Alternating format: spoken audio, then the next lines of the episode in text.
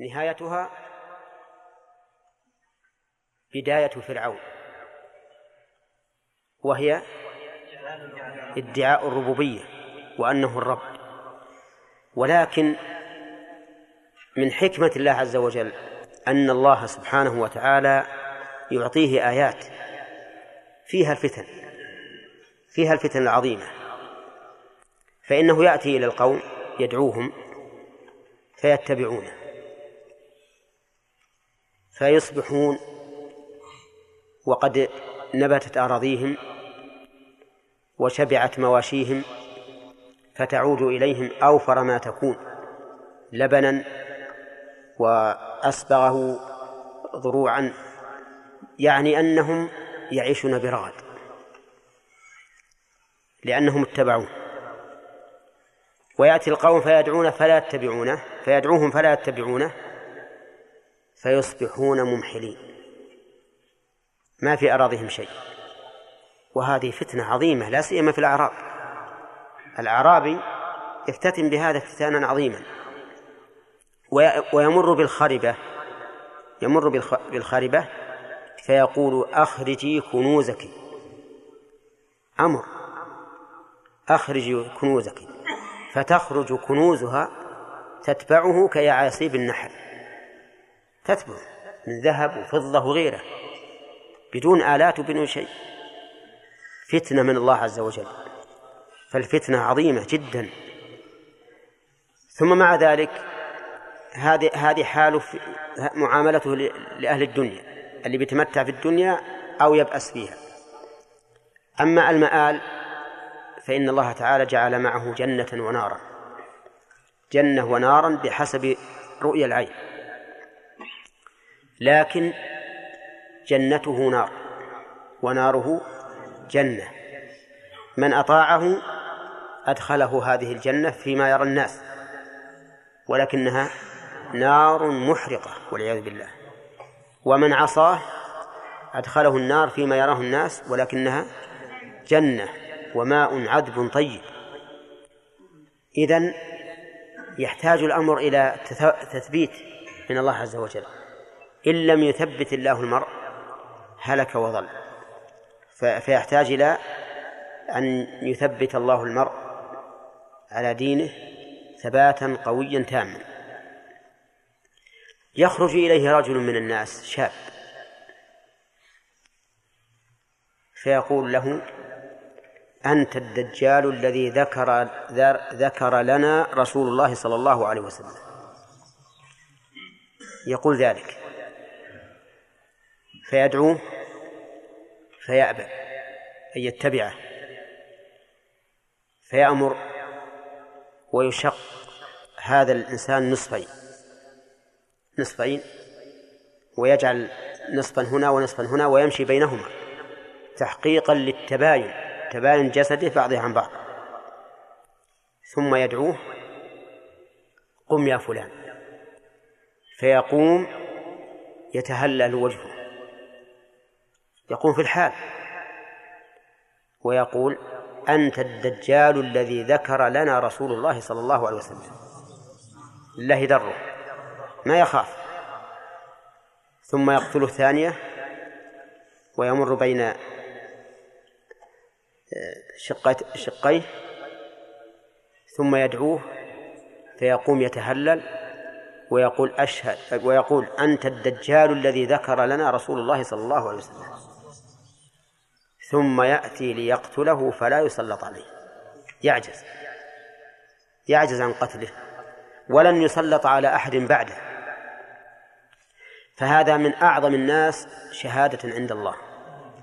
لأنه في هذا المقام العظيم الرهيب الذي لا يتصوره لا نتصوره نحن على هذا المكان أو في هذا المكان. لا يتصور رهبته إلا من باشرة. إلا من باشره المقام رهيب عظيم. ومع ذلك يصرح على الملأ. إعذارا وإنذارا. بأنك أنت الدجال الذي ذكر لنا رسول الله صلى الله عليه وسلم. هذا هذه هذه حاله وما يدعو إليه. ولكن هذه المحنة العظيمة لا تدوم. وهو الوجه الرابع الذي نتكلم عنه مقدار لبثه في الأرض. أربعون يوما فقط. لكن يوم كسنة ويوم كشهر ويوم كجمعة وسائر أيامه كأيامنا. هكذا حدث النبي صلى الله عليه وسلم. قال الصحابة رضي الله عنهم يا رسول الله هذا اليوم الذي كسنه أتكفينا فيه صلاة يوم واحد؟ قال لا اقدروا له قدره. انظروا يا إخواني إلى هذا المثال لتأخذوا منه عبرة. كيف كان تصديق أصحاب رسول الله صلى الله عليه وسلم لرسول الله؟ ما ذهبوا يحرفون أو يؤولون؟ أو يقولون إن اليوم لا يمكن أن يطول لأن الشمس تجري في فلكها ولا تتغير. ولكنه يطول لشد لكثرة المشاق فيه ولعظم المشاق فيه. فهو يطول لأنه متعب. ما قالوا هكذا؟ كما يقوله بعض المتحذلقين بماذا صدقوا؟ صدقوا بأن هذا اليوم سيكون اثني عشر شهرا حقيقة. بدون تحريف وبدون تأويل. وهكذا حقيقة المؤمن. ينقاد لما أخبر الله به ورسوله من أمور الغيب وإن لم وإن حار فيها عقله. وإن حار فيها عقله. لكن يجب أن تعلم أن خبر الله ورسوله لا يكون فيما فيما يكون محالا في العقول لكن فيما يكون حيرة في العقول. يعني العقول تتحير لأنها ما تدركه. لكن لا يمكن أن يكون شيئا محالا. فالرسول صلى الله عليه وسلم أخبر بأن أول يوم من أيام الدجال كسنة. لو أن هذا الحديث مر على المتأخرين الذين يدعون أنهم هم العقلاء لقالوا ها إن طوله مجاز عما فيه من التعب والمشاق لأن أيام السرور قصيرة وأيام الشرور طويلة. ولكن الصحابة رضي الله عنهم لصفائهم وقبولهم سلموا في الحال وقالوا إن الذي خلق الشمس وجعلها تجري في 24 ساعة في اليوم وليلة قادر على أنها على أن يجعلها تجري في اليوم كم؟ اثني عشر شهرا. لأنها الخالق واحد عز وجل. فهو قادر ولذلك سلموا وقالوا كيف نصلي؟ ما سألوا عن الأمر الكوني لأنهم يعلمون أن قدرة الله فوق مستواهم. سألوا عن الأمر الشرعي الذي هم مكلفون به وهو الصلاة. وهذا والله حقيقة الانقياد والقبول. قالوا كيف نصلي؟ قال أقدروا له قدره. وسبحان الله العظيم إذا تأملت أن هذا الدين تام كامل لا يمكن أن تكون مسألة يحتاج الناس إليها إلى يوم القيامة إلا وجد لها أصل. كيف أنطق الله عز وجل الصحابة؟ أن يسألوا هذا السؤال. ما قالوا نصبر حتى يأتي ذاك اليوم نشوف نبحث. أنطقهم الله حتى يكون الدين كاملا ما يحتاج إلى تكميل. وقد احتاج الناس إلى هذا الآن. الآن المناطق القطبية يبقى الليل فيها ستة أشهر والنهار ستة أشهر. نحتاج إلى هذا الحديث ولا ما نحتاج؟ نحتاج. شوف كيف أفتى الرسول عليه الصلاة والسلام هذه الفتوى قبل أن تقع هذه المشكلة. لأن الله تعالى قال في كتابه اليوم أكملت لكم دينكم. وأتممت عليكم نعمتي. والله لو نتأمل كلمة أكملت لكم دينكم لعلمنا أنه ما يوجد شيء ناقص في الدين أبدا. كامل من كل وجه لكن النقص فينا. النقص فينا إما قصور في علومنا ولا في أفهامنا ولا آه، إرادات تكون مهي منضبطة. يكون الإنسان وده ينصر قوله فيعمى عن الحق نسأل الله العافية. ف فلو أننا نظرنا بعلم وفهم وحسن نية لوجدنا أن الدين ولله الحمد لا يحتاج إلى مكمل وأنه لا يمكن أن تقع مسألة صغيرة ولا كبيرة إلا وجد حلها في الكتاب والسنة. لكن لما كثر الهوى وغلب على الناس صار بعض الناس يعمى عليه الحق ويخفى عليه الحق وتجدهم إذا نزلت الحادثة التي لم تكن معروفة من قبل بعينها وإن كان جنسها معروفا تجدهم يختلفون فيها أكثر من أصابعهم. إذا كانت تحتمل قولين وجدت فيها عشرة. كل هذا لأن الهوى غلب على الناس الآن. وإلا لو كان القصد سليما والفهم صافيا والعلم واسعا لعرفت. على كل حال أقول إن الرسول صلى الله عليه وسلم أخبر بأنه يبقى أربعين يوما. فماذا يكون الأمر بعد الأربعين؟ ينزل المسيح عيسى بن مريم الذي رفعه الله إليه ينزل وقد جاء في الأحاديث أنه ينزل عند المنارة البيضاء في دمشق أو عليها النسيان مني. ينزل فلا يحل لكافر يجد ريحه إلا مات. وهذه من آيات الله. يموت. يلحق الدجال عند باب اللد. اللد الآن في فلسطين عند اليهود. فيقتله هناك. وحينئذ يقضي عليه. نهائيا. ولا يقبل عليه الصلاة والسلام إلا الإسلام.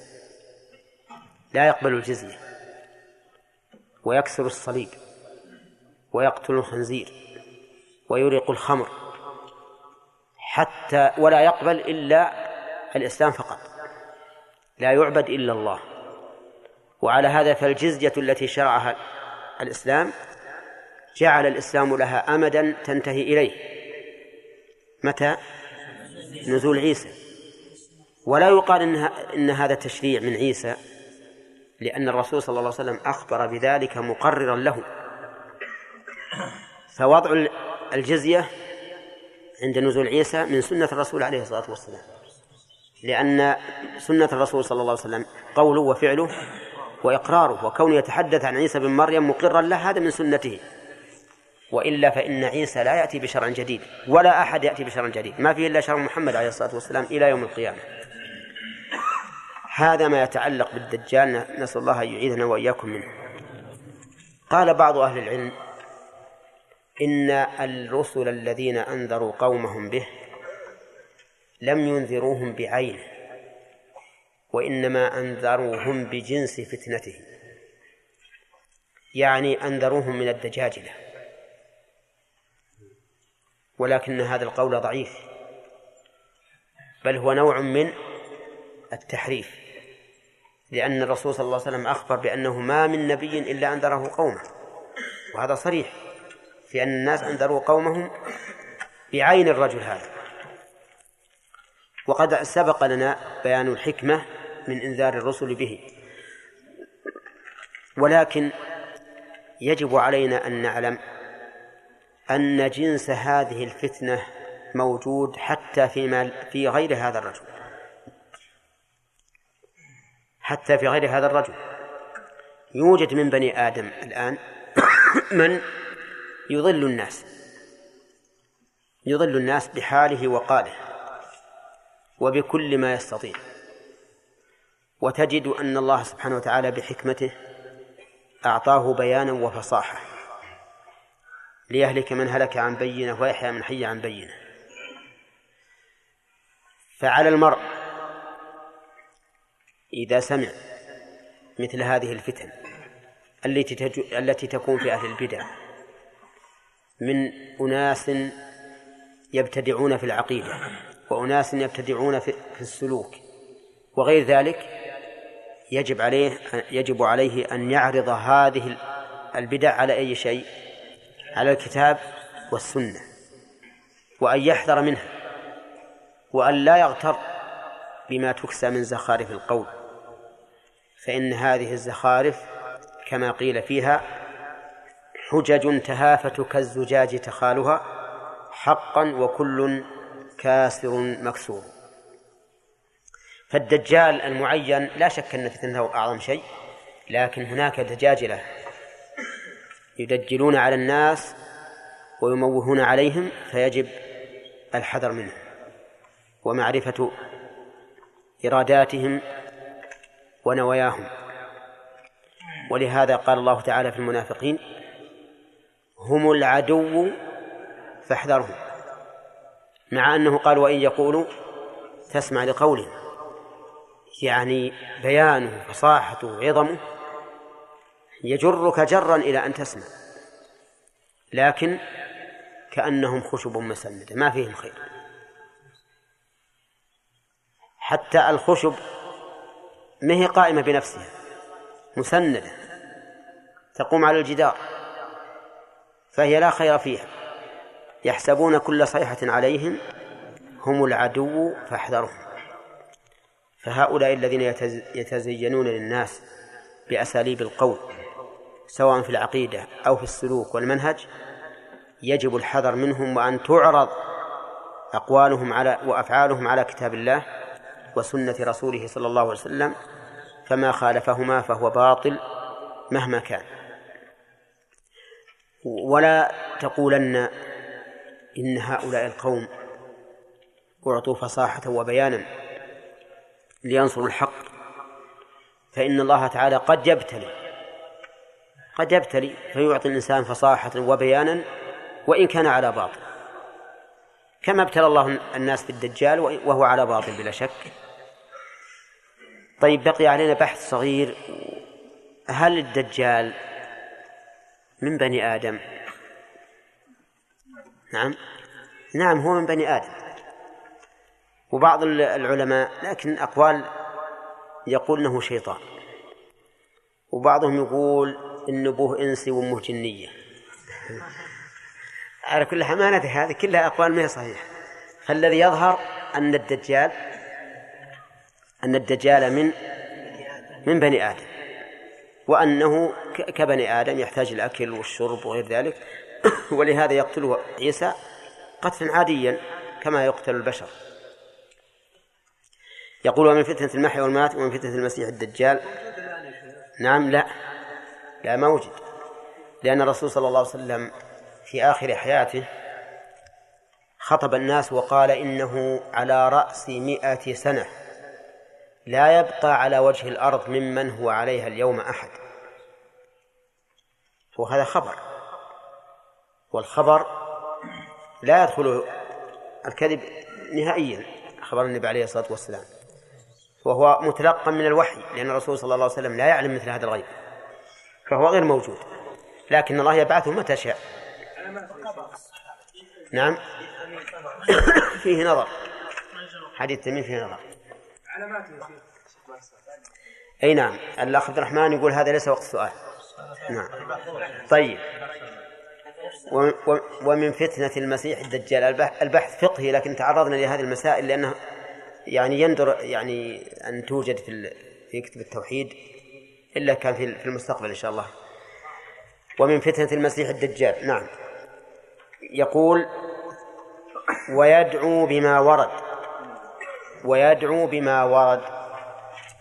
ليت المؤلف قال ويدعو بما أحب. لأن النبي صلى الله عليه وسلم لما ذكر حديث ابن مسعود التشهد قال ثم ليتخير من الدعاء ما شاء. لكن يمكن أن نجيب عن كلام المؤلف فنقول إنه ينبغي أن يبدأ الإنسان بما ورد. لأن الدعاء الوارد خير من الدعاء المصطنع. الذي أنت تقوله. فإذا وجد دعاء وارد فالتزامه أولا ثم تدعو بما شئت. ومما ورد في هذا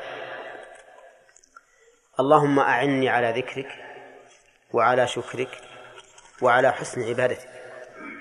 فإن الرسول صلى الله عليه وسلم أمر معاذ بن جبل أن يدعو به دبور كل صلاة مكتوبة. وفي بعض الألفاظ أن أمره أن يدعو به في صلاته أن يدعو به في صلاته. فإذا جمعنا بين اللفظين قلنا في صلاته في دبرها أي في آخرها.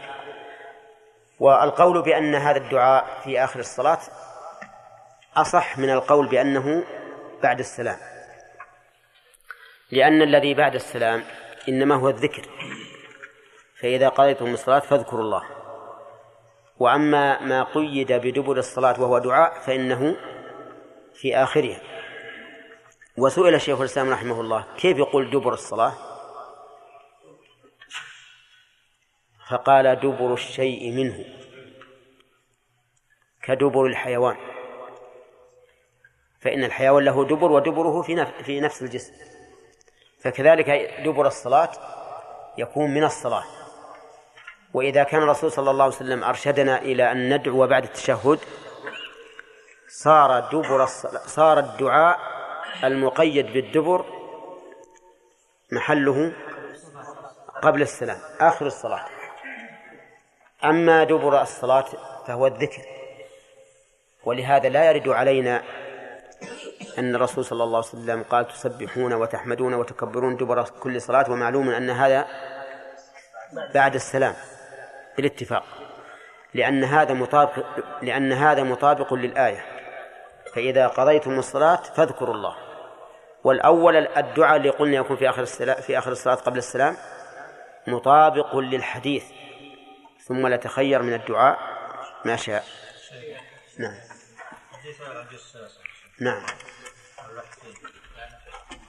والله في قلبي منه شيء. إيه. إيه فيه من من أنكره صرح بإنكاره. إذا كان إذا صح يعني المدة هذه يعني طول مدة الدجال ها؟ أقول تخرج عن العادة الله على كل شيء قدير. الله على كل شيء قدير. لكن الحديث الذي ذكرت لكم في الصحيحين. لا يبقى على وجه الأرض من هو عليه اليوم أحد. نعم. قلنا تفسير الفاتحة قلنا فاتحة الفاتحة نعم. فلا من العين يعني مرتفعة؟ ما تكون ممسوح لا يمكن يمكن تكون طافية لأن إذا صار إذا صار المرتفع يسيرا صار طرف العين غارا. صار غارا. أين من جهة. نعم.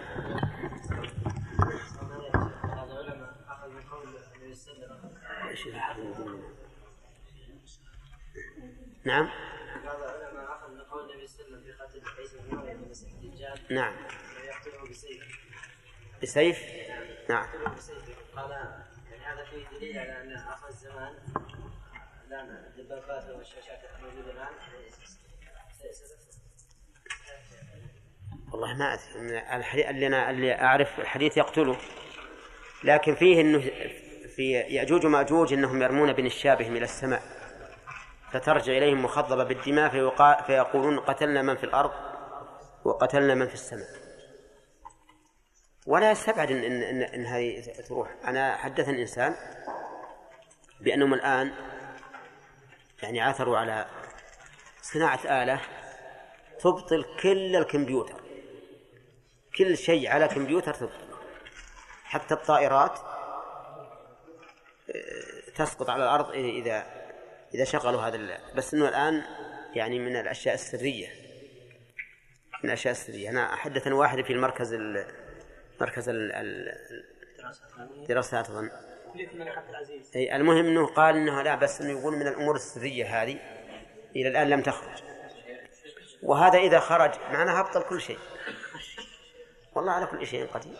لكن حنا ليت معنى سلاح إيمان يا عبد المنان. لو معنى سلاح إيمان ما ما نفعتهم دباباتهم ولا صواريخهم. نعم. شيخ أحسن الله إليكم. أقول دل السنة يا شيخ على أن أول عشر آيات من سورة الكهف أو آخرها اي عصر فتنه الدجال. قل أحسن الله إليكم. لا شك أن النص يعني حكمة بنفسه لكن أقول ما المناسبة بين العشر آيات؟ الرسول صلى الله عليه وسلم قال من أدركه فليقرأ عليه بفواتح سورة الكهف. فليقرأ عليه بذلك. يقرا على الدجال. على الدجال. في في لفظين. فليقرأ عليه بكذا أو فليقرأ عليه كذا. وحفظها ما جاء. ما أدري والله. لكن حفظها لأجل يقرأ عليه. لكن مناسبة يا شيخ. الله أعلم. نعم. ذكرنا كيف يتنقل وهل يقول للأرض تنبت؟ ها؟ وسمعنا أنه يقول للأرض تنبت وكيف يتنقل يا شيخ؟ هل هو على حمار كما قال؟ الرسول صلى الله عليه وسلم سئل عن سيره الحقيقة البحث ينسي بعضه بعضا. كيف سيره في الأرض؟ قال كالغيث استدبرته الريح. مثل السحاب اللي شالته الريح. السحاب اللي شالته الريح من أسرع ما يكون. تنبت الأرض يا شيخ. ها؟ إيه إيه نعم. يقول أنبتي ويقول السماء أمطري. تمطر. فتنة عظيمة. شيخ أحسن الله إليك هل هو أول علامات الساعة. الدجال أو طلوع الشمس من مغربها؟ لا مو هو أول الدجال ما هو طلوع الشمس من مغربها آخر شيء لأنها إذا طلعت من مغربها لم ينفع نفسا إيمانها لم تكن آمنت من قبل والإيمان بعد الدجال يكون عيسى بن مريم معه كلهم مؤمنون نعم بالنسبة للدعاء في آخر الصلاة يعني هل يمكن يدعو يطلب شيء من أمور الدنيا؟ إيش؟ هل يمكن يطلب شيء من أمور الدنيا ولا خاص بالصلاة؟ وش ودك تطلب يعني؟ اطلب اطلب ما في مانع. نعم. لا أحمد واخوه أنت الموتى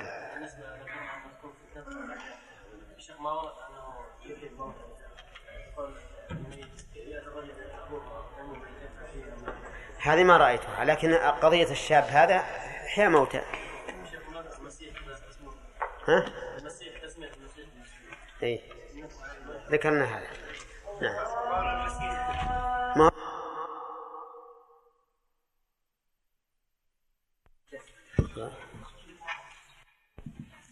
سم. بسم الله الرحمن الرحيم. الحمد لله رب العالمين والصلاة والسلام على نبينا محمد وعلى آله وصحبه أجمعين. قال المؤلف رحمه الله تعالى ويدعو بما ورد ثم يسلم عن يمينه. السلام عليكم ورحمة الله وعن يساره كذلك. وإن كان في ثلاثية أو رباعية نهض مكبرا بعد التشهد الأول وصلى ما بقي كالثانية بالحمد فقط. ثم يجلس ثم يجلس في تشهده الأخير متوركا. والمرأة مثله لكن مثله. والمرأة مثله لكن تضم نفسها وتسجد وتسجد إليها في جانب يمينها بسم الله الرحمن الرحيم. الحمد لله رب العالمين والصلاة والسلام على نبينا محمد وعلى آله وأصحابه أجمعين. سبق لنا أن الإنسان يتعوذ من أربعة أشياء. من عذاب جهنم ومن عذاب القبر ومن فتنة المحيا والممات ومن فتنة المسيح الدجال. وآخر ما تكلمنا عليه المسيح الدجال من عدة وجوه. أولا في مكانه وفي هدفه وفي زمانه وفي مكثه في الأرض وفي فتنته وعظمها وكل هذا أظنه علم لكم أليس كذلك؟ طيب فكم مكث يا حجاج؟ نعم يوم كسنة أربع مكثه أربعون يوما يوم كسنة. كسنة ويوم كشهر ويوم كجمعة ويوم كس... وبق... وسائر أيامه كأيامنا العادية طيب. ومن أين يخرج ذا الملك؟ يخرج من من المشرق من خراسان. ومارا بأصفهان وثم يتجه نحو المدينة من بين الشام والعراق. ها؟ طيب. هل يمكن أن يدخل المدينة؟ نعم. لا يمكن. لأن على كل باب من أبوابها ملائكة يحفظون. يحفظونها. طيب. ومكة؟ ومكة كذلك لا يمكن. أن يدخلها. طيب. آه، ما هي نوع فتنته؟ يعني بأي شيء يفتن الناس؟ أحمد. لأنه يدعوهم إلى إلى عبادته وتأليهه كذا؟ طيب. وهل يبرر ذلك تلك الدعوة حسين؟ هل يبرر هذه الدعوة؟ بماذا؟ ما هي؟ أو اذكر شيئا منها. المطر نعم. والجنة؟ إخبار جنة ونار نعم. نعم. طيب. هل جنته حق؟ الأخ نعم. وناره؟ ليس كذلك. إذا ما جنته؟ أي نعم. وناره؟ وناره جنة. طيب. الإحياء عليان إحياء الموتى. صورة المسألة. هو أن يأتي إلى إلى- يأتي شاب. ثم يقول أنت رجل أنت المسيح الدجال الذي أخبرنا عنك رسول الله صلى الله عليه وسلم. فيقتله فيشقه نصفين ثم يمر بينه ثم أيضا يمر به ثم يعود كما كان ثم يقول له أنت المسيح الدجال الذي أخبرنا بك رسول الله صلى الله عليه وسلم. ثم يكررها ثم يريد أن يقتله فلا يستطيع أن يقتله ولا يقتل أحدا بعده. نعم.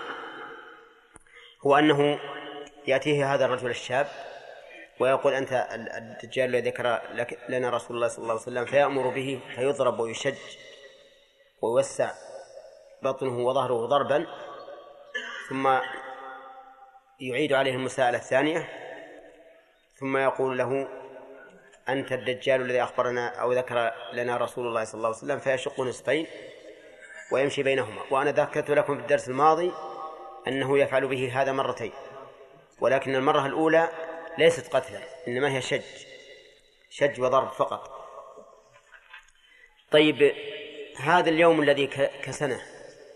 علي كيف يصنع- الناس فيه من جهة الصلاة ومن جهة الصيام؟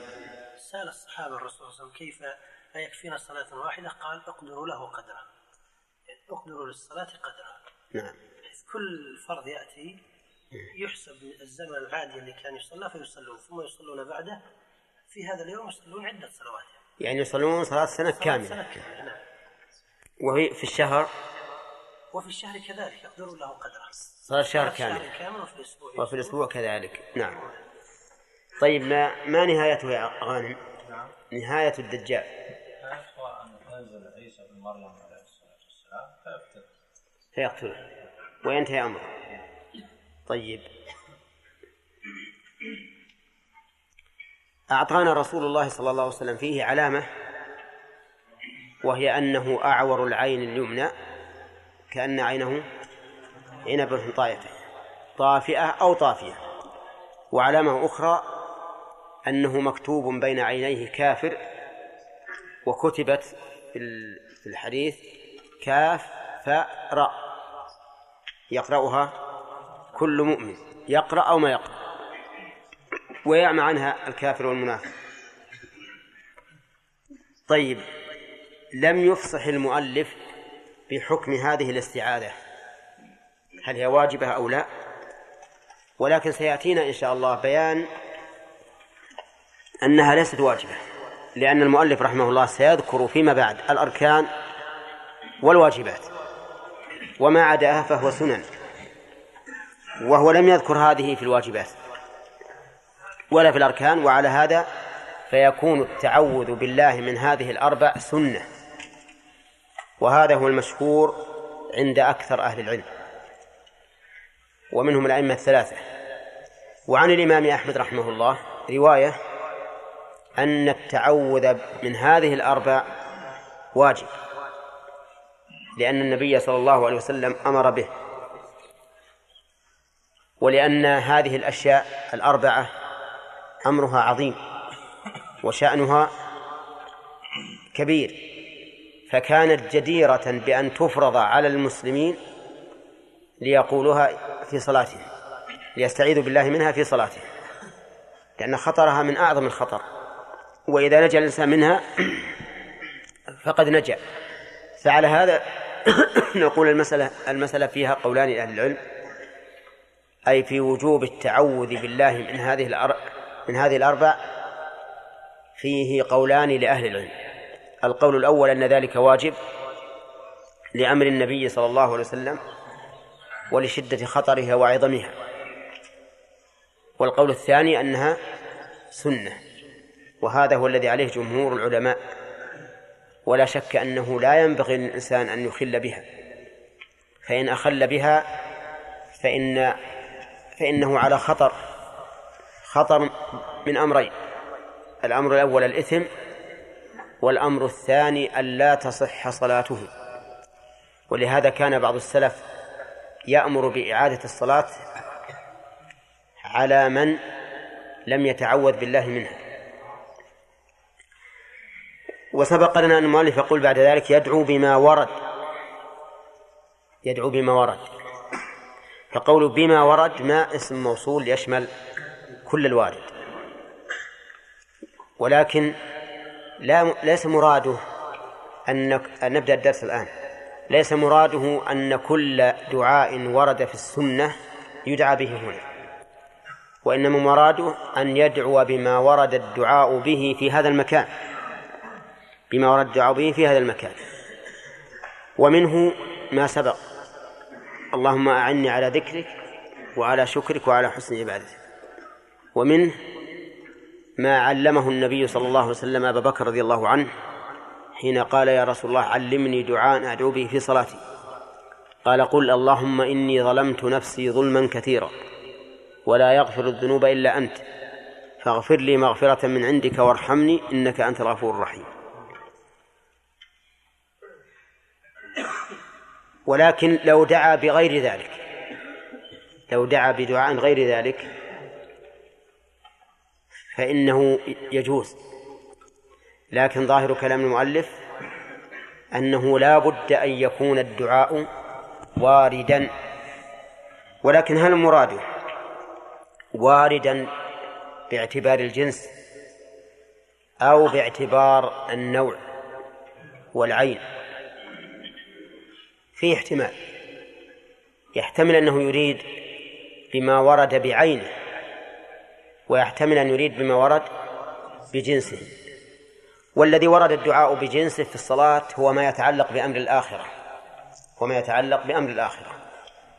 وإذا قلنا بهذا الاحتمال صار معنى كلام المؤلف أن يدعو بدعاء يتعلق بأمور الآخرة سواء ورد هذا الدعاء بعينه أم لم يرد. وإن قلنا بالاحتمال الأول أنه لا بما ورد بعينه صار يتقيد بما ورد بعينه في هذا الموضع. لكن الاحتمال الأول أشمل. الاحتمال الأول أشمل. أن يدعو بما ورد إيش؟ باعتبار الجنس وهو ما يتعلق بأمور الآخرة. فيدعو بما يتعلق بأمور الآخرة بما شاء. ولكن ها هنا مسألة وهي أنه ينبغي المحافظة أولا على الوارد. ثم بعد ذلك يدعو بما بما شاء. المحافظة على الوارد في هذا المكان بعينه ثم بما شاء. وظاهر كلام المؤلف أنه لا يدعو بغير ما ورد. سواء قلنا إن المراد ما ورد بجنسه أو بعينه فلا يدعو بشيء من أمور الدنيا مثل أن يقول اللهم ارزقني بيتا واسعا اللهم ارزقني زوجة جميلة اللهم ارزقني مالا كثيرا اللهم ارزقني سيارة مريحة اللهم ارزقني ثوبا شتويا في أيام الشتاء. صيفيا في أيام الصيف. وما أشبه ذلك. لأن هذا يتعلق بأمور الدنيا. حتى قال قال الفقهاء رحمهم الله لو دعا بشيء من مما يتعلق بأمور الدنيا بطلت صلاته. بطلت صلاته. لكن هذا قول ضعيف بلا شك. والصحيح أنه لا بأس أن يدعو بشيء يتعلق بأمور الدنيا. وذلك لأن الدعاء عبادة. الدعاء عبادة. وليس للإنسان ملجأ إلا إلا الله. وإذا كان الرسول صلى الله عليه وسلم يقول أقرب ما يكون العبد من ربه وهو ساجد. ويقول أما الدعاء أم- أما السجود فأكثروه من- فيه من الدعاء فقمن أن يستجاب لكم. ويقول في حديث ابن مسعود ثم لما ذكر التشهد ثم لا يتخير من الدعاء ما شاء. والإنسان لا يجد نفسه مقبلا تمام الإقبال على الله إلا وهو يصلي. فكيف نقول لا تسأل الله وأنت تصلي؟ شيئا تحتاجه في أمور دنياك؟ هذا بعيد جدا. وقد جاء في الحديث عن الرسول عليه الصلاة والسلام ليسأل أحدكم ربه حتى شسع نعله وشسع النعل يتعلق بإيش؟ بأمور الدنيا. فالصواب بلا شك أنه يدعو بعد التشهد بما شاء من خير الدنيا والآخرة. وأجمع ما ما يدعى به في ذلك ربنا آتنا في الدنيا حسنة وفي الآخرة حسنة وقنا عذاب النار. فإن هذه جامعة لخير الدنيا والآخرة. في الدنيا حسنة وفي الآخرة حسنة وقنا عذاب النار. طيب قولنا إنه يدعو على القول الراجح بما شاء. هل يجوز الدعاء لمعين؟ بأن يقول اللهم اجز فلانا عني خيرا أو اللهم اغفر لفلان. الجواب نعم يجوز يجوز لأن هذا دعاء. وإذا كان الرسول صلى الله عليه وسلم ثبت عنه أنه دعا على قوم معينين ودعا لقوم معينين فدعا للمستضعفين في مكة ودعا على الطغاة في مكة لكنه نهي عن الدعاء للطغاة باللعن. إنما دعا صلى الله عليه وسلم لمعين فيجوز أن تدعو لمعين وأنت في صلاتك سواء كان أباك أم, أم أمك أم أخاك أم أي إنسان تحب أن تدعو له. قال ويدعو ما ورد. لكن لو دعا لشخص بصيغة الخطاب فقال تذكره تذكر وهو يصلي فقال غفر الله لك يا يا شيخ الإسلام ابن تيمية. غفر الله لك يا شيخ الإسلام ابن تيمية. فهل تبطل صلاته؟ الفقهاء يقولون تبطل لأنه أتى بكاف الخطاب. والخطاب لا يجوز في الصلاة لأن الرسول صلى الله عليه وسلم يقول إن هذه الصلاة لا يصلح فيها شيء من كلام الناس. ولم يستثنوا إلا النبي عليه الصلاة والسلام. إلا النبي عليه الصلاة والسلام قالوا إنه تخاطبه السلام عليك أيها النبي. أما غيره لا تأتي له بكاف الخطاب مطلقا. ولكن هذا القول فيه شيء من في النفس منه شيء. وذلك لأنك إذا قلت غفر الله لك يا فلان وأنت تصلي فإنك لا تشعر بأنك تخاطبه أبدا. ولكن تشعر بأنك مستحضر له غاية الاستحضار حتى كأنه أمامك. وقد ثبت عن النبي صلى الله عليه وسلم أنه قال حين تفلت عليه الشيطان قال ألعنك بلعنة الله. ألعنك بلعنة الله. فخاطبه. خاطبه. فبعضهم يقول إن هذا إن هذا الحديث قبل تحريم الكلام. وبعضهم يؤوله. ولكن كلا الجوابين فيه نظر. فالذي يظهر أن خطاب الآدميين أن تخاطبه. مثلا يمر بك تقول يا فلان تعال وين أنت رايح؟ هذا كلام آدميين. تبطل الصلاة به ولا ما تبطل؟ تبطل.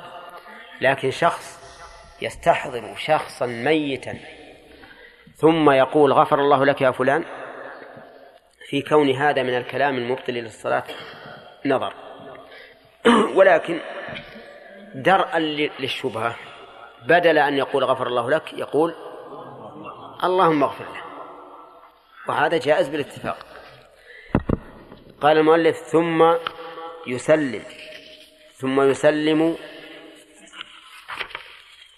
ثم يسلم عن يمينه السلام عليكم ورحمة الله وعن يساره كذلك. نعم. يسلم بعد التشهد والدعاء يسلم عن يمينه وعن يساره. يقول عن يمينه السلام عليكم ورحمة الله وعن يساره السلام عليكم ورحمة الله.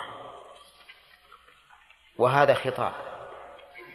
خطاب. السلام عليكم. لكنه خطاب يخرج به من الصلاة.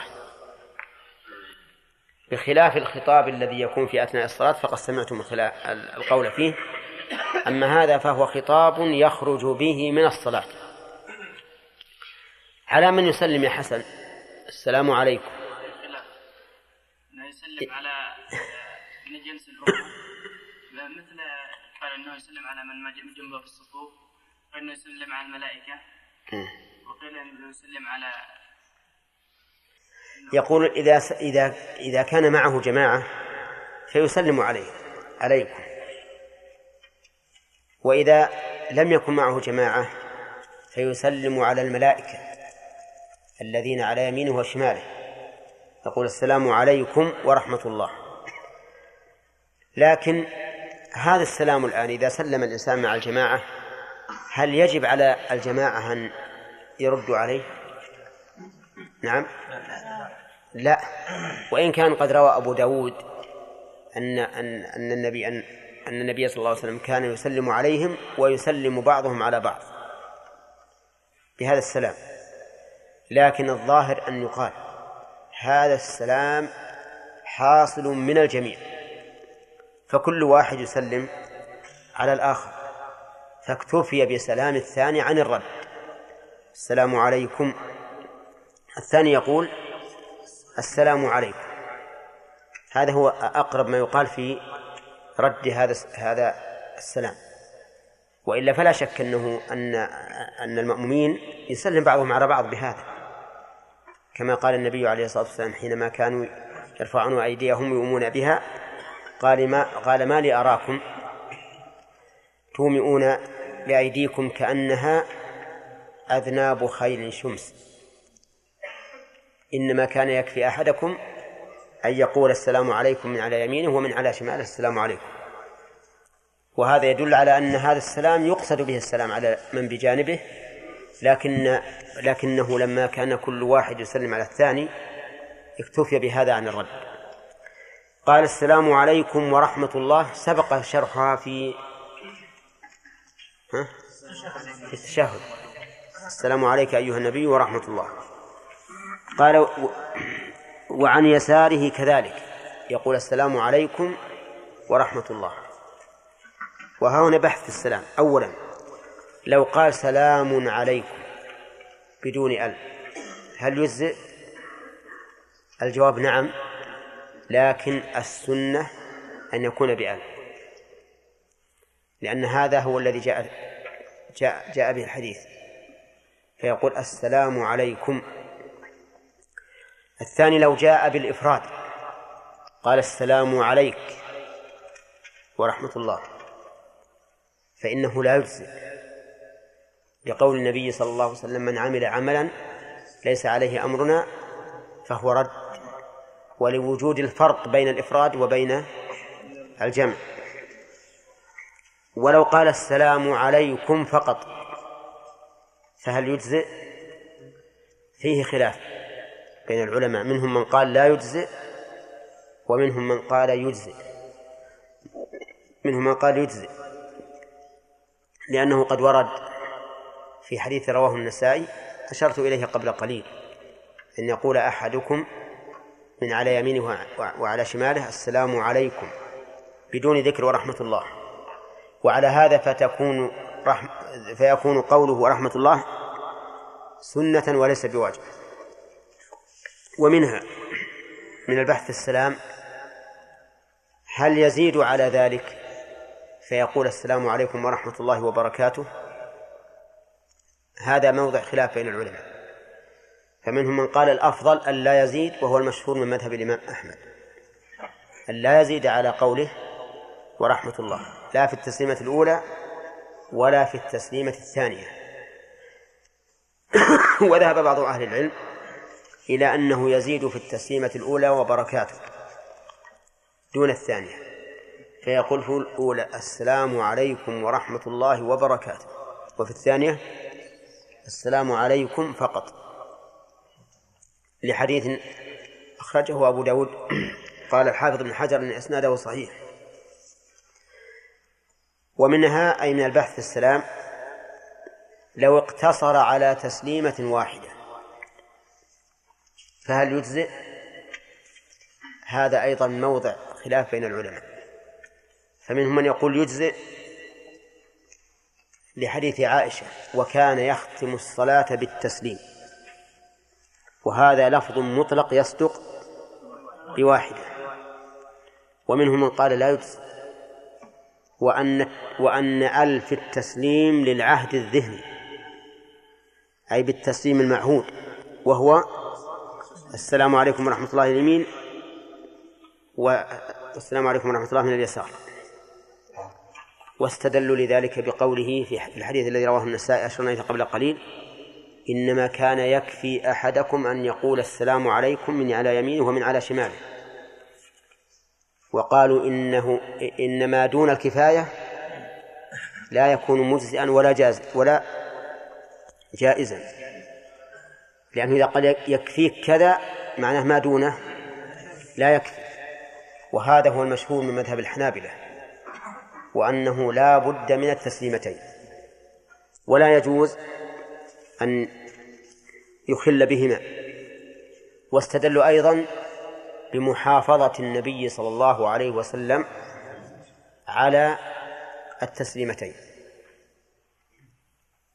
وقالوا إن محافظته عليهما حضرا وسفرا في حضور البوادي والأعراب والعالم والجاهل يدل على أنه لا بد منهما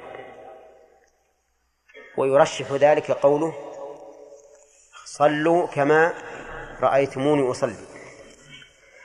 وقال بعض أهل العلم تجزئ واحدة في النفل دون الفرض.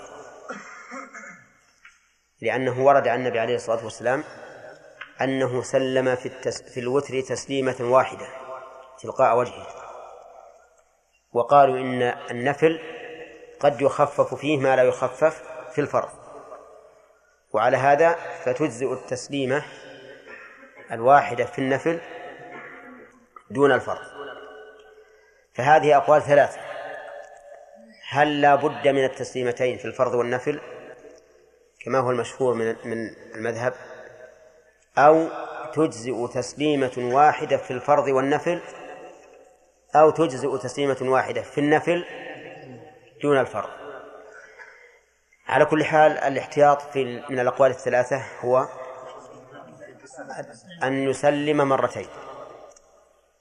لأنه إذا سلم مرتين لم يقل أحد من أهل العلم أن صلاتك باطلة. ولو سلم مرة واحدة لقال له من أهل العلم من يقول إن صلاتك باطلة. ومن المعلوم أن النبي صلى الله عليه وسلم أمر بالاحتياط فيما لم يتضح فيه الدليل. فقال عليه الصلاة والسلام الحلال بين والحرام بين وبينهما أمور مشتبهات. فمن اتقى الشبهات استبرأ لدينه وعرضه ومن وقع في الشبهات وقع في الحرام. وقال عليه الصلاة والسلام دع ما يريبك إلى ما لا يريبك. وأنت إذا أتيت بالتسليمة الثانية فقد أتيت بذكر تتقرب به إلى الله عز وجل. وتسلم به من أن يقال إن صلاتك باطلة. على أن الذين قالوا بوجوب التسليمتين في الفرض والنفل قالوا إن فعل الرسول عليه الصلاة والسلام قضية. قضية عين تحتمل النسيان أو غير ذلك. فلا يقدم هذا الفعل على القول. الذي قال إنما كان يكفي أحدكم أن يقول كذا. ولكن هذا الاحتمال فيه نظر لأن الأصل في فعل الرسول صلى الله عليه وسلم إيش؟ التشريع وعدم النسيان. ولا سيما أنه سلم واحدة تلقاء وجهه على خلاف العادة مما يدل على أنه أرادها قصدا. أرادها قصدا. لكن كما قلت الاحتياط أن يسلم مرتين في الفرض والنفل قال وإن كان في ثلاثية أو رباعية نهض مكبرا بعد التشهد الأول. إن كان في ثلاثية أو رباعية ثلاثية مثل المغرب. رباعية كالظهر والعصر والعشاء. نهض مكبرا مكبرا حال من فاعل نهض تدل على أنه يكون التكبير في حال النهوض وهو كذلك. لأن جميع التكبيرات ما عدا تكبيرات الإحرام كلها محلها ما بين الركنين. محلها ما بين الركنين. فيكون مكبرا حال النهوض. قال مكبرا ناهضا. كيف؟ نهض مكبرا بعد التشهد الأول. والتشهد الأول ينتهي عند قوله أشهد أن لا إله إلا الله وأشهد أن محمدا عبده ورسوله.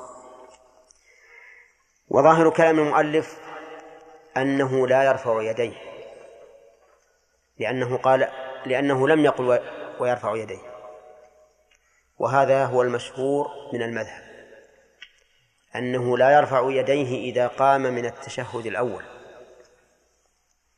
لأن مواضع رفع اليدين على المذهب ثلاثة فقط عند تكبيرة الإحرام وعند الركوع وعند الرفع منه ولكن الصحيح أنه يرفع يديه أنه يرفع يديه. لأنه صح عن ابن عمر رضي الله عنهما عن النبي صلى الله عليه وسلم. وعلى هذا فالقول الراجح في هذه المسألة أنه يرفع يديه إذا قام من التشهد الأول. ولأنه انتقال من نوع إلى نوع آخر في الصلاة. فإن الركعتين الأوليين يشرع فيهما ما لا يشرع في الركعتين الأخريين. فلما كان هذا انتقال من نوع إلى من, من نوع إلى نوع صار من الحكمة أن يميز هذا الانتقال بالرفع كأنه صلاة جديدة وإن لم تكن جديدة لكنها لتميزها عن عن الركعتين الأوليين صار يركع ولكن متى يكون الرفع؟ يكون الرفع إذا قام. لأن لفظ الحديث يكبر حين يقوم. وليس يكبر وهو جالس ثم ينهض. قصدي وليس يرفع وهو جالس ثم ينهض. لأن هذا الرفع مع التكبير والتكبير لا يكون إلا بعد النهوض. يعني في في حال النهوض وعليه فيكون التكبير إذا قام لأن لفظ الحديث يكبر حين يقوم يكبر حين يقوم من الركعتين بعد الجلوس. ومعلوم أن كلمة حين يقوم ليس معناه حين ينهض إذ أن بينهما فرقا. فمن توهم أنه يرفع وهو جالس فليصحح وهمه. بل, بل الرفع يكون إذا انتهى قائما. يقول رحمه الله وصلى ما بقي كالثانية بالحمد فقط. وصلى ما بقي كالثانية. إيش الثانية؟ أي كالركعة الثانية. يعني فليس فيه تكبيرة إحرام ولا استفتاح. ولا تعوذ. ولا تجديد نية. طيب يقول بالحمد لا لأنه قال كالثانية لكن قال بالحمد. هذا الذي أخرج قراءة السورة. قال بالحمد فقط. تمتاز الركعتان هاتان عن الأوليين أنه يقتصر فيهما على الحمد وأنه يسر فيهما بالقراءة حتى في الصلاة الجهرية يسر فيهما بالقراءة. فهما في الحقيقة ركعتان من نوع جديد. وقول المؤلف بالحمد فقط يعني لا يزيد. وهذا هو مقتضى حديث أبي قتادة رضي الله عنه الثابت في الصحيحين. أن النبي صلى الله عليه وسلم كان يقرأ في الركعتين الأخرين بفاتحة الكتاب فقط. ولكن في حديث أبي سعيد الخدري ما يدل على أن الركعتين الأخريين يقرأ فيهما. لأنه ذكر أن الرسول عليه الصلاة والسلام كان يقرأ في الركعتين الأوليين بسورة ولا يطول الأولى على الثانية ويقرأ في الركعتين الأخريين بنصف ذلك.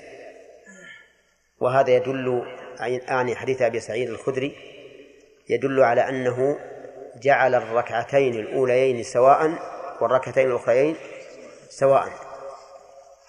لكن بعض العلماء رجح حديث أبي قتادة لأنه متفق عليه وحديث أبي سعيد في مسلم ولأن حديث أبي قتادة جزم به الراوي. وأما حديث أبي سعيد فقال حزرنا قيامه أي إيش خرصناه وقدرناه. وفرق بين من يجزم بالشيء وبين من يخرصه ويقدره. ولكن الذي يظهر أن إمكان الجمع حاصل يعني أنه يمكن الجمع بين الحديثين.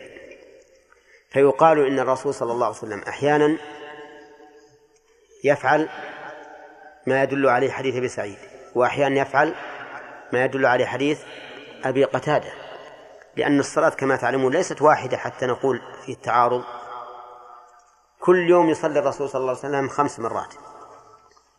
وإذا أمكن الجمع وجب الرجوع إليه قبل أن نقول بالنسخ وقبل أن نقول بالترجيح. قال بالحمد فقط. نعم. ثم يجلس في تشهده الأخير متوركا. يجلس متى؟ إذا أتى بما بقي. إما ركعة إن كان في ثلاثية أو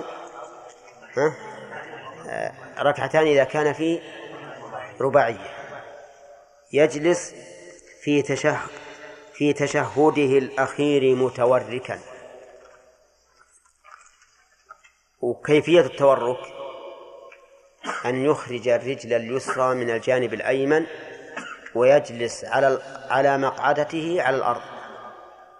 يجلس على مقعدته على الأرض وتكون الرجل اليمنى منصوبة. الرجل اليمنى منصوبة والثانية مفروشة لكنها خارجة من الجانب الأيمن. وهذا وهذه إحدى صفات التورك. الصفة الثانية أن يفرش القدمين جميعا ويخرجهما من الجانب الأيمن. والصفة الثالثة أن يفرش اليمنى ويدخل اليسرى بين الفخذ والساق بين فخذ اليمنى وساقها كل هذه وردت عن النبي صلى الله عليه وسلم في صفة التورك. وعلى هذا فنقول ينبغي أن يفعل الإنسان هذا مرة وهذا مرة بناء على القاعدة التي قعدها أهل العلم وهي أن العبادات الواردة على وجوه متنوعة ينبغي إيش؟ أن يفعلها مرة هكذا ومرة هكذا للفوائد الثلاث التي ذكرناها من قبل. نعيدها الآن. أحمد. نعم. إحياء السنة. الثاني. نعم أن هذا أقوى لاستحضاره. نعم عبد الله كيف اتباع؟ آه. اتباع السنة لأنه يفعل هذا وهذا. طيب. ها. من؟ نعم. إذهاب السلام والمال نعم. إيه. ما هو هذا إحياء السنة. طيب على كل حال فيها فوائد. ولا شك أنها أشد في الاتباع من ما إذا اقتصر على شيء واحد ولكن ها هنا مسألة وهي أنه يجب على الإنسان إذا أراد أن يفعل هذه العبادات المتنوعة أن يكون على يقين منها فإن شك رجع إلى إلى ما يتيقنه. أحيانا ينسى الإنسان مثلا حديث ابن عباس في التشهد وحديث ابن مسعود بينهما بعض الاختلاف. أحيانا ينسى الإنسان ما جاء في حديث ابن عباس فماذا يصنع؟ هل يخبط في الحديث ولا يقتصر على اللي هو يعلم؟ ها؟ يقتصر على الذي يعلم كما قلنا في قراءات في القرآن الكريم القراءات التي يقرأ بها في القرآن إذا كنت حافظا لها مجيدا لها متقنا لها فالأفضل أن تقرأ بهذا مرة وبهذا مرة ما لم يكن بحضرة العوام. وأما إذا كنت غير مجيد لها فإنك تقتصر على ما على ما تعلم لئلا تخبط في القرآن. وهكذا أيضا العبادات. قال متوركا والمرأة مثله. المرأة مثله في إيش؟ في كل ما تقدم كل ما تقدم حتى في رفع اليدين. فترفع يديها وتجافي عضديها عن جنبيها في الركوع لكنها قال في لكن تضم نفسها في الركوع والسجود وتسدل رجليها في جانب يمينها. نعم. تختلف المرأة عن الرجل في بعض الأشياء وما دام عندكم أسئلة نأجلها إن شاء الله. نعم.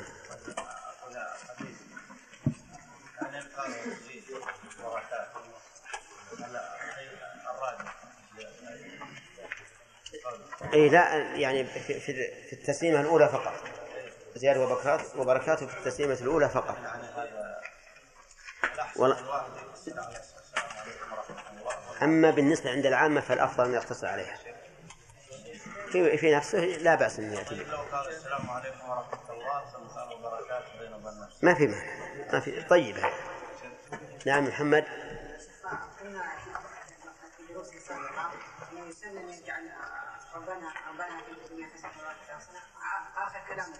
آخر دعاءه نعم. لكن شيخ في دليل ورد عن الرسول صلى الله عليه وسلم يقول يقول علي كان يقولها ما بين التشهد والتسليم آخر شيء اللي هي ربنا آتنا. ها. نعم. إيه لكن لا يمنع أن يقول غيرها كان يقول هذه ولا يمنع أن يقول. أقول ما ما يمنع أن يقول غيرها. أما لو قال ولم يقل سواها صح. نعم. قلنا العلة في قول السلام عليكم. أن الكافر الخطاب وقلنا أن هذه خروج من الصلاة. ما ما يكون في دليل إلا الذين يجوزون من الصلاة لا ما في دليل. لأن حديث عائشة صريح يختمها بالتسليم. بالتسليم. التسليم ذكر. تجعل الضرطة مثل الذكر. ها؟ ما حد يقول. هذا إن قال أحد ما هو صحيح. نعم خالد.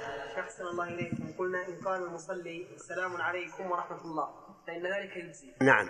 نعم. نعم. لكن نحن قلنا في تفسيرها أنه كالتفسير الذي قلناه في السلام عليك أيها النبي. نعم. ومن ومن التفسير في في قولنا السلام عليك أيها النبي أن السلام اسم الله عز وجل. إيه لكن هذا ضعيف. نعم. ضعفنا هذا القول. أقول ضعفنا هذا القول.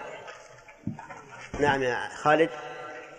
قول الفقهاء الله عنه يبدأ بالسلام مع بدء مع بدء هذا هو الظاهر. الظاهر انه إنه يبدأ مع مع بدء حتى يكون الكاف السلام عليكم في حال انتهاء أو توسط الالتفات.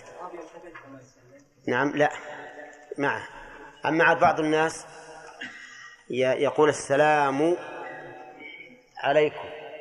السلام وهو مستقبل القبلة هذا استحبه بعض الفقهاء لكن ما له أصل.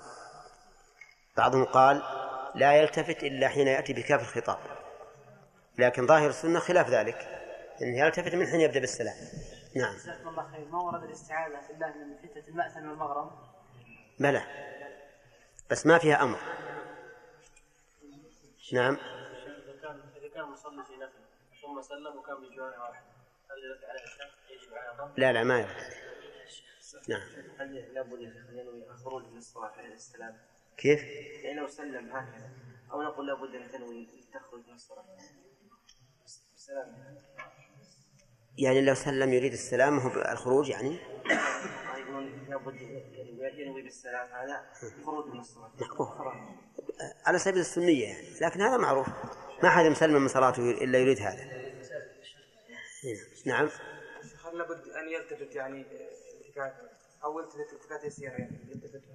لا يلتفت حتى يرى بياض خده طيب وإذا التفت التفات لكن كون يلتفت بكل بدنه لا. يلتفت برأسه فقط. نعم. هذا هذا زين. نعم.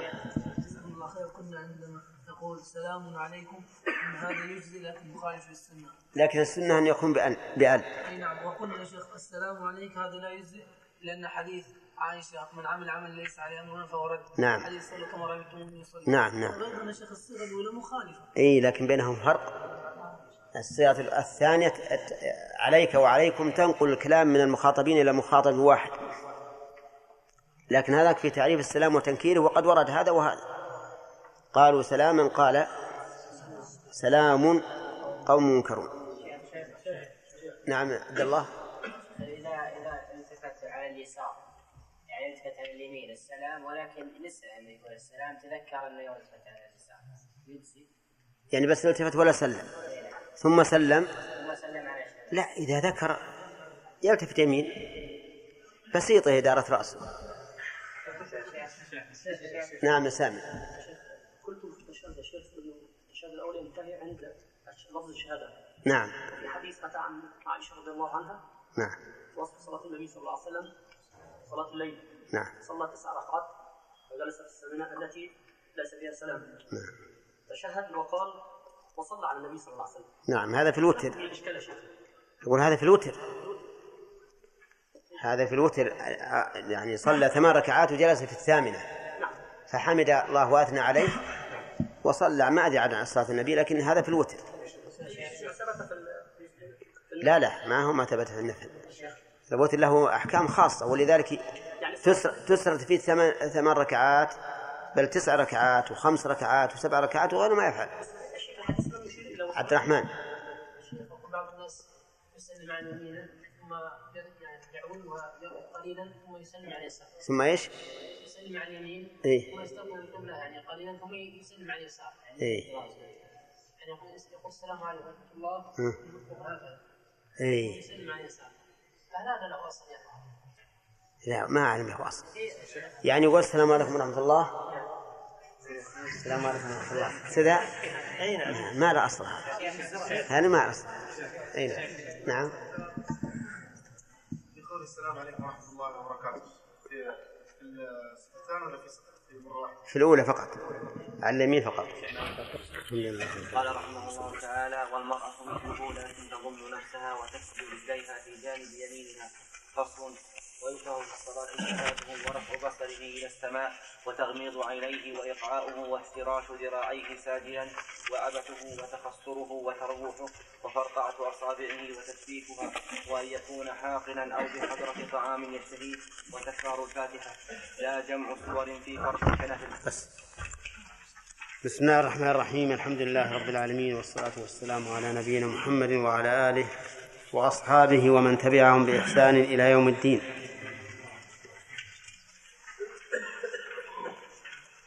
قال المؤلف رحمه الله تعالى وإن كان في ثلاثية أو رباعية إلى آخره. في مناقشة هنا. من قبل؟ قال المؤلف ويدعو بما ورد. قول بما ورد يا بندر.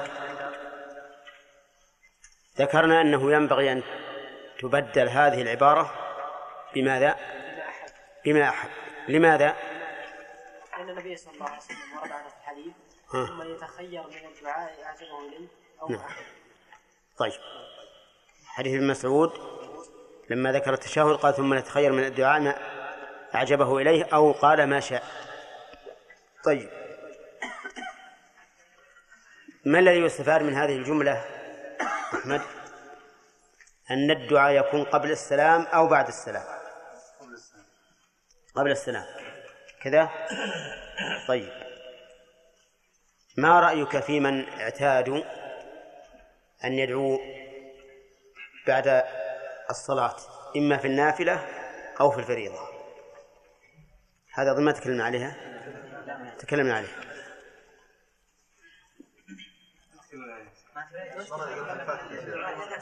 ها؟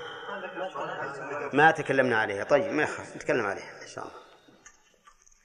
يقول المؤلف يقول عن يمينه وعن يساره أحمد السلام عليكم ورحمة الله.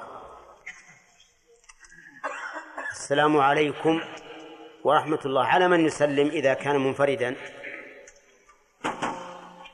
ها؟ الملائكة. كذا. وإذا كان مع الإمام؟ وعلى من عنده من المأمومين. والإمام يسلم على من معه من من المصلين ولهذا كل منهم يلتفت عن يمينه وشماله. قال المؤلف إذا كان في ثلاثية أو رباعية نهض سامي. كيف نهوضه؟ على صدور قدميه. معتمدا على على ركبتيه. طيب إن سهل ذلك. فإن لم يسهل عبد الرحمن على نعم. الحديث وائل إنه حجر أنه إنه إن النبي صلى الله عليه وسلم كان إذا قام في وتر من صلاته يعتمد بيديه على أو مالك بن حويرث. نعم نعم. مالك بن حويرث. طيب. إذا إذا لم يسهل يقوم معتمدا على يديه بعد أن يجلس قليلا. كذا؟ أو هو جالس. لأنه في التشهد. أي نعم. طيب ظاهر كلام المؤلف عليان أنه يرفع يديه أو لا يرفع؟ ها؟ أنه لا يرفع ولكن وهو المذهب. والقول الثاني في المسألة أنه يرفع الحديث ابن عمر وهو الصحيح. طيب آه،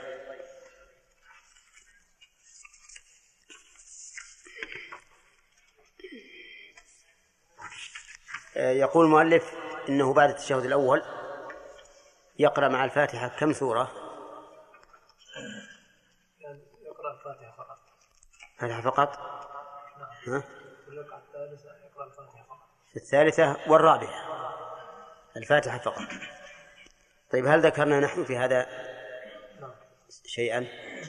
نعم. ذكرنا في حديث يعني أبي؟ أبي مسعود. أبي؟ ابي سعيد نعم. ورد أنه الرسول صلى الله عليه وسلم كان يقرأ. ورد ما ظاهره أنه كان يقرأ في الركعتين الأخريين نصف ما يقرأ في الركعتين الأوليين. ها؟ طيب. وفي حديث أبي قتادة؟ كان يقرأ الحمد فقط. الحمد فقط. طيب قول يا محمد شميمري هل هذا من باب اختلاف التنوع؟ أو اختلاف التضاد وحينئذ نلجأ إلى الترجيح. لا قلنا يا شيخ إنه من باب اختلاف التنوع ويمكن الجمع فنفعل هذا تارة نقرأ بالحمد فقط ونقرأ بسورة قصيرة. تارة نقرأ. إيه. كذا يا جماعة. وفي قول ثاني؟ والثاني إنه يقتصر ي- يرجح حديث ابا حديث حديث أبي قتا- أبي قتادة. نعم. آه، أنه هو الراجح لأنه آه، متيقن أما حديث آه، أبي سعيد فهو فيه تخمين وتب... ف- يقول حذرنا حذرا نعم. طيب هذا وجه وجه ثاني للترجيح. وجه ثاني الترجيح أن أبا قتادة حديث أبي قتادة. أن أبا ق- هو- الراجح. أن حديث أبي قتادة. هو الراجح. وجه الترجيح هو الراجح؟ لا وجه الترجيح. هذا الحكم. نعم. ها. قال ان لأنه نص على على قراءة الفاتحة. سلامك. هذا هو الم- الوجه الأول اللي أنت قلت. نعم يا أحمد. أنا يا شيخ في الصحيحين. أي. حديث ابن قتادة بينما حديث أبي سعيد في صحيح مسلم فقط أحسنت. طيب. ابن القيم ان حين بقى في معرض التقسيم. نعم. يكون أولى. يعني يدل على أن كل ذكر كل قسم وذكر ما يختص في قسم كيف تقسيم يعني قال أنه كان يفعل في ركعتين كذا وكذا. في ركعتين ثانيتين كذا وكذا. فقسم الصلاة وذكر كل قسم ما كان يفعله. إيه، وهذا أيضا قسم حتى حديث أبي سعيد مقسم اي نعم. طيب حديث أبي سعيد. يا سامي. ظاهره أن قراءة الركعتين الأولين سواء. سواء. يكون أطولها الركعتين في الظهر الأولين ثم الركعتين الأخرين ثم العصر أقل من الأخرين ثم الركعتين الأخرين في العصر أقل فتكون درجات. طيب. يقول المؤلف إنه يجلس في التشهد الأخير يا حسين كيف التورك؟ نعم. له ثلاث صور. الأولى اليسرى تحت ساقه الأيمن وينصب اليمنى طيب هذه واحد. يخرج اليسرى من الجانب الأيمن من تحت الساق. وينصب اليمنى. هنا يفرش القدمين الصورة الثانية. يفرش القدمين جميعا جهة اليمين نعم والصورة الثالثة أن يجعل رجله اليسرى بين فخذه وساقه الأيمن واليمنى مفروشة. لا ما مفروشة. لأن منصوبة صعب جدا ما نعم. لا هذه أهون. طيب. التورك هل هو في كل تشهد يعقبه سلام؟ أم ماذا يا شيبة؟ لا التورك في الصلاة الرباعية فقط. دون الثلاثية. الصلاة الرباعية والثلاثية دون ال- الثنائية. يعني في كل في كل صلاة يعقبها تشهد أول وتشهد ثاني يعني في كل صلاة فيها تشهدان نعم. يكون التشهد الأخير. نعم. صح. طيب. أظن هذا آخر ما وقفنا عليه؟ مسألة الدعاء. المؤلف رحمه الله يقول يدعو بما أحب و وهذا هو الذي دل عليه حديث ابن مسعود رضي الله عنه. أن النبي صلى الله عليه وسلم قال ثم لا تخير من الدعاء ما شاء. وبناء على ذلك إذا سألنا سائل هل أدعو بعد السلام أو قبل السلام؟ قلنا له أدعو قبل السلام. لأن هذا هو الذي أرشد إليه النبي صلى الله عليه وسلم. ولأنك ما دمت في الصلاة فإنك تناجي ربك. وإذا سلمت انصرفت. وكونك تدعو في الحال التي تناجي فيها ربك خير من كونك تدعو بعد الانصراف. وهذا ترجيح نظري. وأما ما يفعله بعض الناس من كونهم إذا سلموا دعوا في الفريضة أو في النافلة فهذا لا أصل له.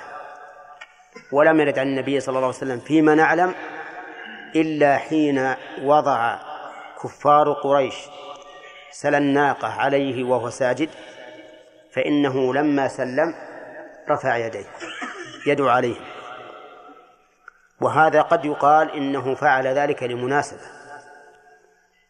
وهي تخويفهم. لأنه لو دعا وهو يصلي ما علموا بذلك فإذا دعا بعد الصلاة ورفع يديه فلا شك أن في هذا تخويفا لهم. تخويفا لهم. فيكون هذا له مناسبة. كذلك أيضا بعض الناس إذا فرغ من صلاة الفريضة دعا. واستدل بقول النبي صلى الله عليه وسلم حين سئل أي الدعاء أسمع؟ يعني أقرب إجابة. قال صلى الله عليه وسلم جوف الليل وأدبار الصلوات المكتوبة. أدبار الصلوات المكتوبة. قالوا والأدبار تكون بعد. لقول النبي صلى الله عليه وسلم تسبحون وتك وت وتحمدون وتكبرون دبر كل ثلاث كل دبر كل صلاة ثلاثا وثلاثين. ومعلوم أن هذا لا يقال إلا بعد السلام. فيكون قوله أدبار الصلوات المكتوبة أي بعد السلام. عرفتم؟ فنقول هذا الفهم للحديث غير متعين بل يجب أن يحمل على أن المراد بالأدبار آخر الصلوات آخر الصلوات بدليل حديث ابن مسعود حيث أمر النبي صلى الله عليه وسلم بالدعاء بعد التشهد. والسنة يفسر بعضها بعضا. أما أدبار الصلوات فقد أرشد الله سبحانه وتعالى عباده إلى أن يذكروا الله في بعدها. فقال فإذا قضيتم الصلاة فاذكروا الله وليس فيه الأمر بالدعاء. وعلى هذا فنقول ما ورد مقيدا بدبر الصلاة فإن كان ذكرا فهو بعد السلام. وإن كان دعاء فهو قبل السلام. وها والدعاء أدبار الصلوات يكون قبل السلام. فإن قال قائل إن دبر الشيء بعده.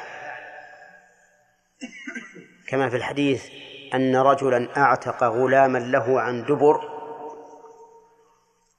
عن دبر أي بعد حياته بعد موته أي بعد موته. فالجواب أن الدبر يكون ما أن الدبر ما كان الشيء مستدبرا له. وقد يكون في منه وقد لا يكون منه. والذي يعين كونه منه أو, أو, أو ليس منه القرائن والسياق. القرائن والسياق. ولهذا يقال دبر الحيوان. وهو منه آخره وهو منه. فكذلك الدبر يفسر في كل موضع بما تقتضيه الحال والسياق. بقي علينا أن نقول المحافظة على الدعاء بعد النافلة كما يفعله عوامنا يحافظون محافظة شديدة على الدعاء بعد النافلة. حتى إن بعضهم يرى أنه إن لم يكن من السنن فهو من الواجبات. حتى أننا نرى بعضهم إذا أقيمت الصلاة وهو يسلم من النافلة قبل أن يقوم ليصلي الفريضة نعم يرفع يديه هكذا وتشك هل دعا ولا ما دعا. يرفع يديه ثم يمسح وجهه ثم يمسح بعضهم ببعض ثم يقوم يصلي. يمكن ما دعا. لكن يلازمون على هذا ظنا منهم أنه أمر واجب أو قريب من الوجوب. فهذا لا شك أنه لا أصل له ولا أحد من أهل العلم قاله. ولهذا ينبغي لطلبة العلم أن ينبهوا الناس ولكن بالرفق. لأن العامة إذا أنكر عليهم شيء شيء اعتادوه نفروا. فإذا أوتوا بالحكمة واللين هبطوا وقبلوا. ولذلك ما أكثر الذين يسألون ما حكم رفع اليدين بعد صلاة النافلة؟ فيظنون أن الحكم معلق بإيش؟ برفع اليدين. برفع اليدين. الحكم مو معلق برفع اليدين الحكم معلق بالدعاء سواء رفعت أو أم لم ترفع. نقول ما دمت تريد أن تدعو الله ادعو الله قبل أن تسلم. هذا هو المشروع. هذا هو تعليقنا على قوله ويدعو بما ورد. طيب وسبق لنا أن الدعاء لو قال بما أحب لكان أحسن لأجل يشمل الدعاء بالوارد وغيره. لأن الإنسان يدعو بما شاء حتى في أمور الدنيا على القول الراجح فإن له أن يدعو الله تعالى بشيء من أمور الدنيا ولا حرج عليه. طيب قال المؤلف رحمه الله تعالى هذا بدأ الدرس الجديد. ثم قال والمرأة مثله مثله أي مثل الرجل. المرأة مثل الرجل. ما الدليل؟ الدليل عدم الدليل. الدليل عدم الدليل. كيف يكون الدليل عدم الدليل؟ ها؟ نعم. الدليل عدم عدم الدليل على التفريق. على التفريق بين المرأة والرجل. وعلى هذا فإذا قال لنا قائل ما الدليل على أن المرأة تصلي كما يصلي الرجل؟ نقول ما الدليل عدم الدليل. وما الدليل على أنها لا تصلي كصلاة الرجل؟ ما هو الدليل؟ والأصل في النساء